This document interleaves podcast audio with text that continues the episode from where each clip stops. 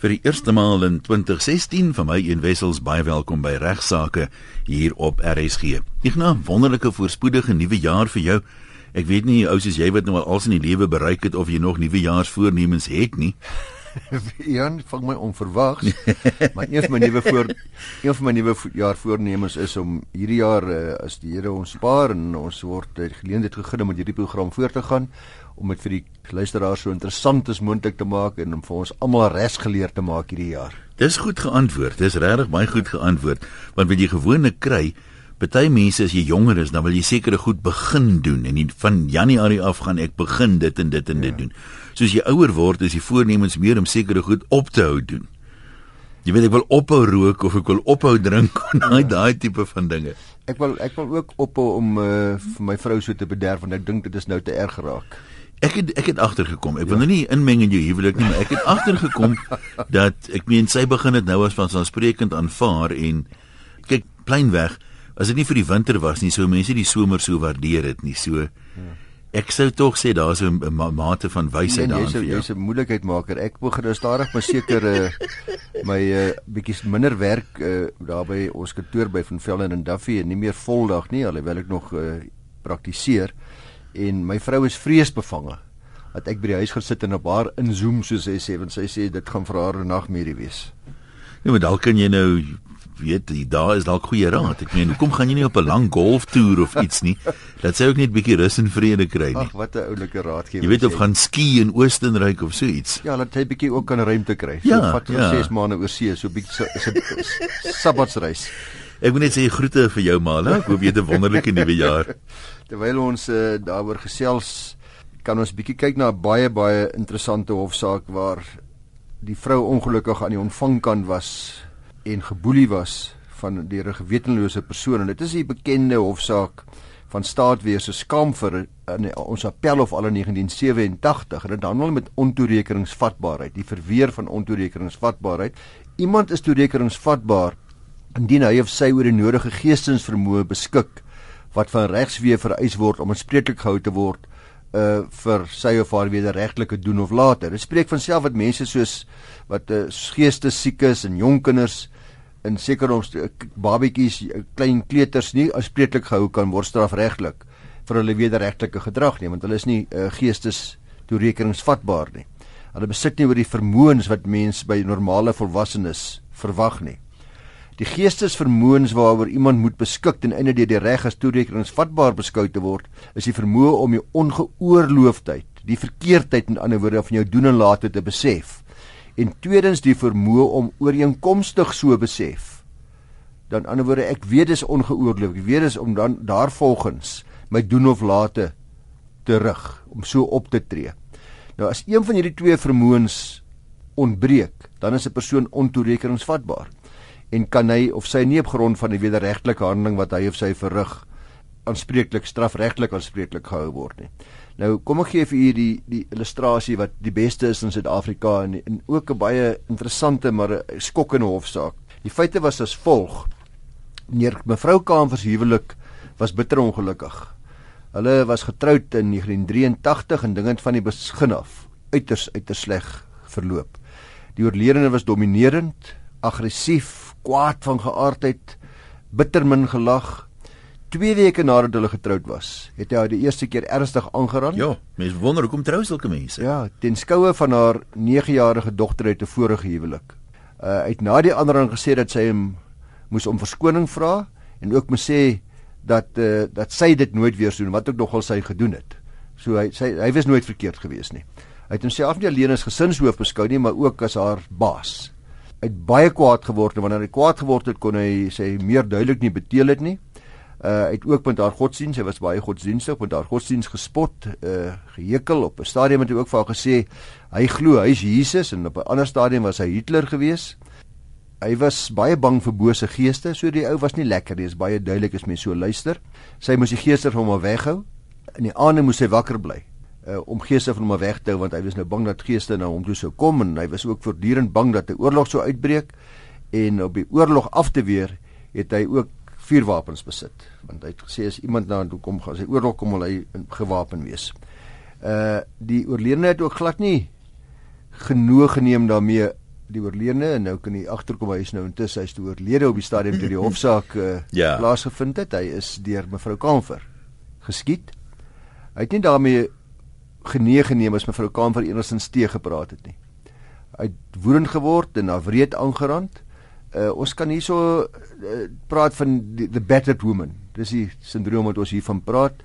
Kry gereeld pak sla want die buffel en die boelie glo dat sy verdien dit dis dis omtrent hoe dit gaan is is is baie ek het ou vriend Gerard vermaak wat altyd die mooi storieetjie vertel is nou hy sê die persoon voor die landros verskyn het hy het sy vrou aangerand en toe die derde keer voor die landros kom dis die landros vir hom maar ek het nou die magistraat dis nou al die derde keer wat jy hier kom elke keer voeter jy jou vrou en slaan jaar en ek gaan jou nou lank tronk toe stuur en dit kan nie so aangaan nie en wat is jou storie? Toe sê maar sy wil nie luister nie.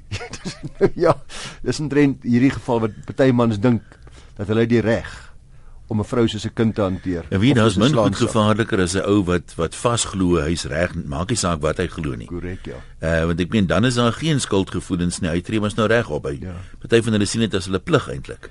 Nou hierdie nag voor die voorval waarvan sy nou aangekla word vermoord, moes sy weer die hele nag wakker bly om geestig om haar weg te hou.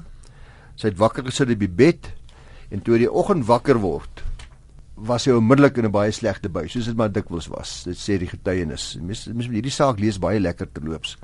Sy was so moeg dat sy 'n ruk lank in die kombuis op 'n bankie gelê het terwyl sy gewag het vir die water om te kook.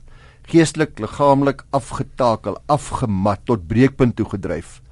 Dit het gevoel of sy glad nie kon registreer wat om haar gebeur het nie. Sy was bietjie in 'n wa, sê sy.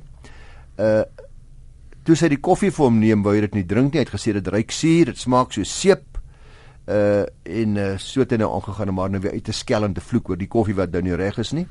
Hy is toe buitentoe. En 'n ruk later het hy gesê dat sy moes na die duiwehok toe kom. Hy was besig om 'n skuifslot in die middeltralie deur van die duiwehok aan te bring. Hy het daar beveel om die slot vas te hou sodat hy 'n gaatjie deur die slot uh, se raam kon boor met elektriese boor. Sy moes in 'n baie moeilike posisie gaan lê om met haar liggaam teen die deur te druk en dan terselfdertyd die slotstuk vas te hou sodat hy nou die gaatjie by die regte plek kom boor sodat dit nie skuif nie in hierdie emosioneel afgetakelde toestand jy moet nou onthou al die beledigings, al die mishandelinge, alles wat sy moes verduur.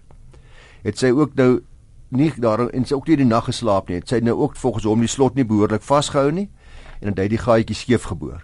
Nou dit was nou 'n groot storie gewees. Dit gelei tot die grootste uitbarsting ooit. Hy het gevloek, geskel, gedreig om haar met die skroewedraaier dood te steek. Sy het uh, huis toe gehardloop by by die skroewedraaier agterna uh, sy wou die agterdeur toesluit sodat hy net kan inkom nie, maar hy's agter haar in. Uh voordat sy dit kon toesluit, sy het kamer toe gehardloop, die vuurwapen uit die bedkassie gehaal, sy vuurwapen. Toe die slaapkamer binne storm, het sy gedink die vuurwapen sou op afskrif. Hy was kwaad en hy het hy het haar vasgegryp en fisies teruggedwing duiwehok toe waar hy vir haar geskree het uh, om die skewe gaatjie reguit te bid. Sy moes nou daar op haar knieë staan en bid om die gaatjie dat hy kon reguit word. Onder hierdie omstandighede het sy geknak uh die sneller getrek by die duiwehok. Uh hy het toe gesterf as gevolg van die skietwond. Sy is in die provinsiale afdeling van die hof van moordskuldig bevind. Sy het appel aangeteken. Uh en hierdie uitspraak is van groot belang vir doeleindes van die erkenning van ontoerekeningsvatbaarheid is 'n verweer want voor die uitspraak gelewer is is gewoonlik aanvaar dat daar net vier gronde in ons reg bestaan wat 'n dader se toerekeningsvatbaarheid kan uitsluit of verminder. En dit is geestesongesteldheid, jeugtigheid, dronkenskap en provokasie. Nou was baie praat van werklike dronkenskap, dat jy nie meer weet wat om jou aangaan nie. En jy nie regtens meer kan handel en en woedende en blinde woede. Met ander woorde, jy weet jy, jy hof aanvaar die provokasie was so erg dat jy nie meer weet dit wat jy doen nie. Nou hierdie uitspraak baan nie weg tot die erkenning van ontoerekeningsvatbaarheid as 'n algemene verweer. In 'n woorde wat in verskeie omstandighede kan gekyk word om te sien of jy toerekeningsvatbaar was of jy nie net hierdie vier gronde nie. Uh dit beteken dat toerekeningsvatbaarheid uitgesluit kan word nie slegs deur hierdie vier faktore nie, maar enigiets wat beteken dat jy nie meer oor die vermoë beskik om die ongeoorloofdheid van jou handeling te besef of in ooreenstemming met daarmee op te tree nie. Die appelafdeling het met die meerderheid stem uh twee regters, te weet die appelregter Jacobs en waarnemende appelregter Boshoff teenoor een te weet die appelregter Viljoen die appellant se skuldbevindings aan moord met versagtende omstandighede bevestig. So sy steeds skuldig bevind, maar wat belangrik is vir doel in is van die strafreg op hierdie in hierdie saak is dat twee van die drie regters, naamlik Viljoen en Boshoff, dis die meerderheid van die hof bevind het dat daar wel in ons reg 'n verweer bestaan soos ontoerekeningsvatbaarheid is 'n algemene verweer wat nie gekoppel is aan die bepalinge van die strafproseswet of die ander erkende toerekeningsvatbaarheids ontoerekeningsvatbaarheidsgronde nie of uitsluitingsgronde nie. Nou hierdie uitspraak is uh, dalk by die eerste oogopslag baie hardvogtig want sy steeds skuldig bevind met versagtende omstandighede veral wanneer die emosionele en fisiese mishandeling van mevrou Kamfer in ag geneem word. Dis belangrik om te onthou luisteraars op tydens die aanhoor van hierdie saak was daar geen deskundige getuienis gelei met betrekking tot mevrou Kamfer se geestesstoestand nie. Uh sy het se waarskynlik nie die geld gehad en die finansiële vermoë om om goeie deskundige getuienis aan te bied nie. Uh die hof moes dus die saak sonder die hulp van getuienis beoordeel. En meisens sien sou getuienislewering wat ons vandag het, wonderlike getuienis deur uitstekende sielkundiges en psigiaters oor hierdie battered woman syndroom en en wat dit alles aan mens doen en hoe jy jou teken en toerekeningsvatbaarheid aantas, sou dit waarskynlik uh, die uitspraak van die hof baie beslis beïnvloed het. Veral getuienis deur kenners, soos ek sê van hierdie syndroom, sou vandag van groot hulp gewees het en ek dink ons sou vandag waarskynlik 'n ander uitslag gekry het in 1987, hoeveel jaar is dit? 28 jaar gelede nou veral ook met ons nuwe grondwet en die gepaardgaande sensitiwiteit vir menseregte. Maar 'n belangrike uitspraak uh wat 'n mens met weersin vervul oor dit wat in sekere huwelike gebeur. As jy nou net ingeskakel het, ek en Ignas Kleinsmid, ek en Wessels en Ignas Kleinsmid wens jou 'n wonderlike 2016 toe en baie dankie dat jy na ons program luister. Ja, luisteraars, uh, 'n bietjie goeie nuus na hierdie neerslagtige hofsaak wat ons pas gehanteer het, is dat uh ek het weer 'n skrywe gekry van 'n dame Uh, sy is mevrou Marits wat sê haar man werk al 7 jaar by 'n munisipaliteit en hy kry redelike salaris, maar die Fabond, sy sy sê iets anders hierso, maar ek gaan maar die Fabond noem. Sy sê hy betaal nie sy onderhoud nie. En uh, sy het hom al twee maal voor die hof gedaag, maar sy is regtig nou moedeloos, maar hoe kan dit wees dat hy 'n salaris verdien en, en, en sy sê hy sy weet wat die wat die waar hy werk ook maar die polisie kry hom nie gearresteer nie. Maar goed. Ek gaan nie ek gaan net een ding vir ons luisteraars sê en vir hierdie dame sê en dit dan nog maar oor die feit dat daar in die saak van Ngadi versus Beacon Sweets and Chocolates Provident Fund. Se 2003 saak was daar 'n baie baie belangrike uitspraak gegee wat van groot hulp is vir baie mense wie sukkel om onderhoud te kry en wie se mans 'n vaste betrekking het. En dis die dis dis uh, deur regter Nicholson. Hy moes besluit het of dit toelaatbaar is om 'n bevel te maak dat daar op die pa se pensioenfonds beslag gelê kan word. Alhoewel die pensioenfonds 'n gevolge pensioenwetgewing uit die aard van die saak eers opeisbaar en betaalbaar is aan die einde van my werkstydperk of op 'n sekere dag of op 'n sekere tyd, soos wat alle pensioenfondse is by my afdanking of by my uh, beëindiging van diens.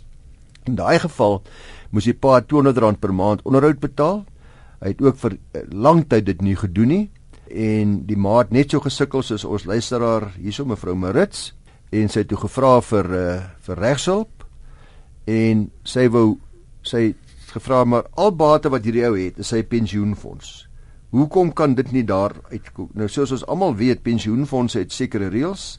Uh pensioenfondse word beskerm teen beslaglegging vir skuldeisers en vir allerlei ander dinge. Uh jy kan nie in 'n pensioenfonds raak in normale omstandighede nie. En die hof het na al hierdie situasies gaan kyk, die hof het na ons grondwet gaan kyk en uh die gelykheidsklausules daar en die vir al die regte van vroue en natuurlik vir al die regte van kinders. En dit opgeweeg teenoor hierdie beperkings wat die pensioenfonds wetgewing daar stel. En die wonderlike nuus is en dis nou al in 2003 en ek is altyd verbaas om te om te sien dat baie mense dit nie toepas nie. Hierdie is nou 'n goeie voorbeeld. Ek kan nie verstaan dat hierdie dame nog nie geadviseer is man gaan lê beslag op die man se pensioenfonds nie.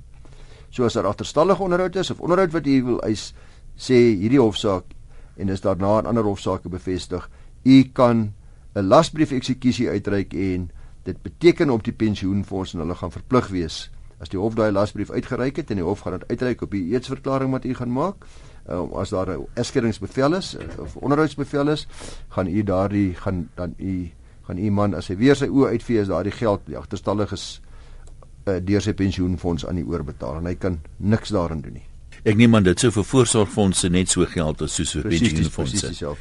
Wat van iemand wat vir homself werk wat uh, anniteite het, ou wat sy eie besigheid het, sou wees dit so wyd kon trek dink jy? On, on, ongelukkig nie. Uh, anniteite is 'n ander regs uh, regs situasie. Jy sal dit nie so wyd kan trek nie. Hierdie wetgewing handel spesifiek met pensioenfondse en gevolg die pensioenfonds sal die voorsieningsfondse ook daaronder resorteer. Maar private anniteite is het het hulle eie reëls. Goed, nog 'n uh, volgende onderwerpie. 'n Dame met die naam van Magda Vermaak vra vir my om te verduidelik wat dit beteken om van tafel en bed te skei. Wie nie van ons ouer hmm, luisteraars sal nog hoor. Jy eet vir die TV op die bank. Sy wil weet wat is die voor of nadele daarvan? Kan nie sien waar Magda vandaan kom nie. Sy Magda die die term om van tafel en bed te skei is 'n baie verouderde regsterm wat gebruik was baie jare gelede toe daar in die egskeringswetgewing nog 'n proses was in terme waarvan die hof kon beveel dat daar dat daar 'n tydperk moes wees waar partye van tafel en bed geskei word.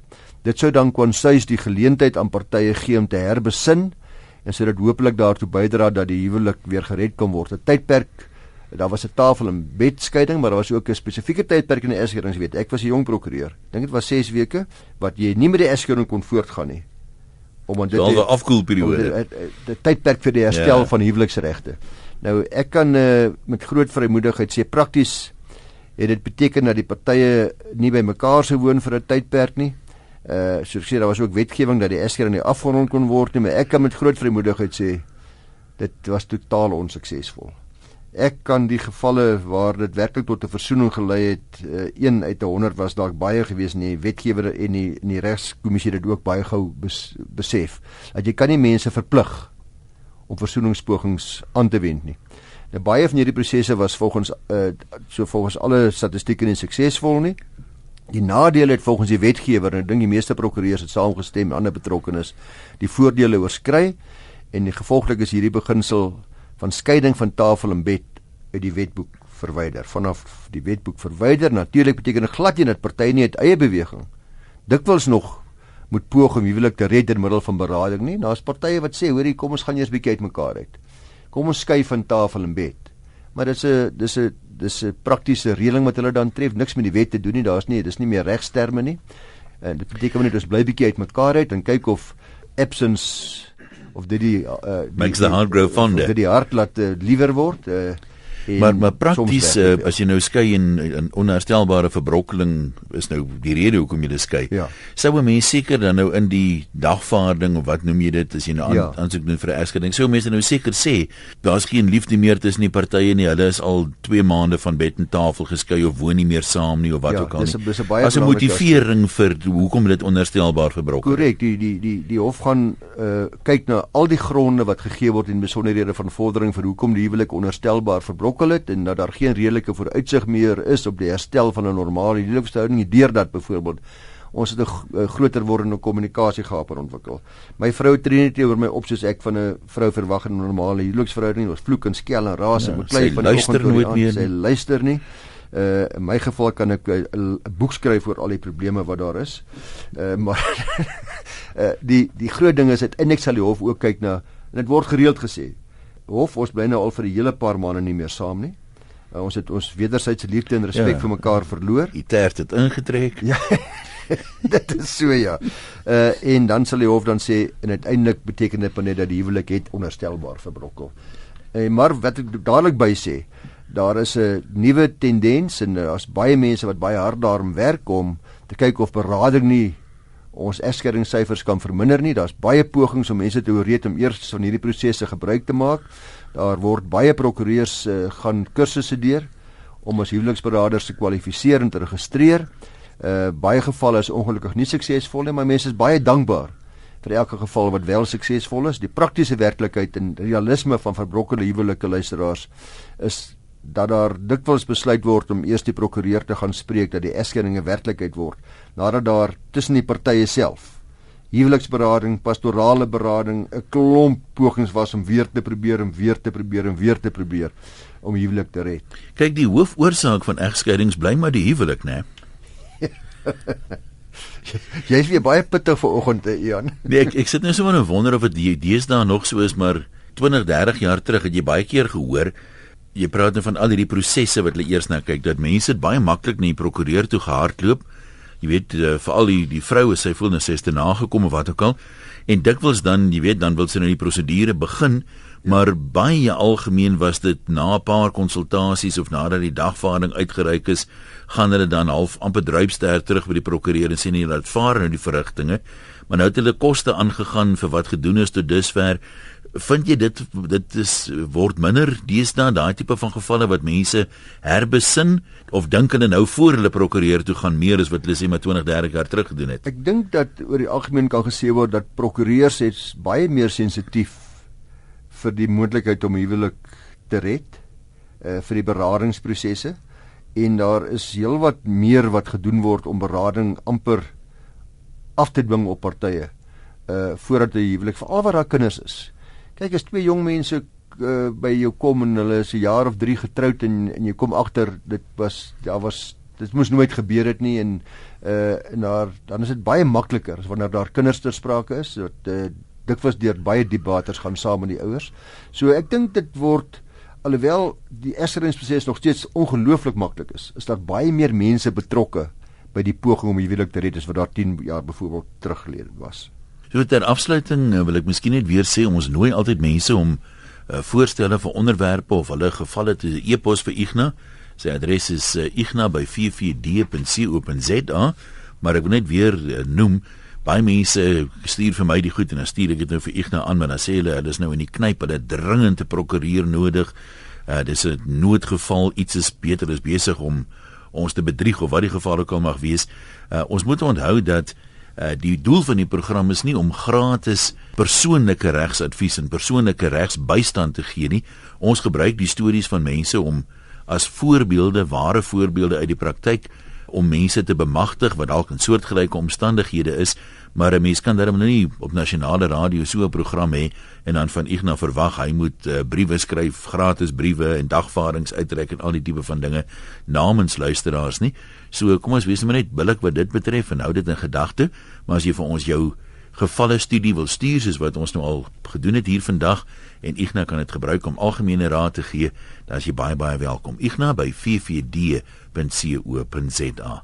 Ja, daar's ons eerste program van die jaar verby, Ignas. Ja, baie baie voorspoed vir jou en jou gesin Ian en vir almal wat luister vandag en uh, ons hoop dat u gaan 'n wonderlike jaar hê. Ja, ook en maar net doen wat jy kan, hè. Ek meen baie mense het nou al dat 'n nuwe jaarsvoornemens is nou wel iets van die verlede hier op die 4de Januarie.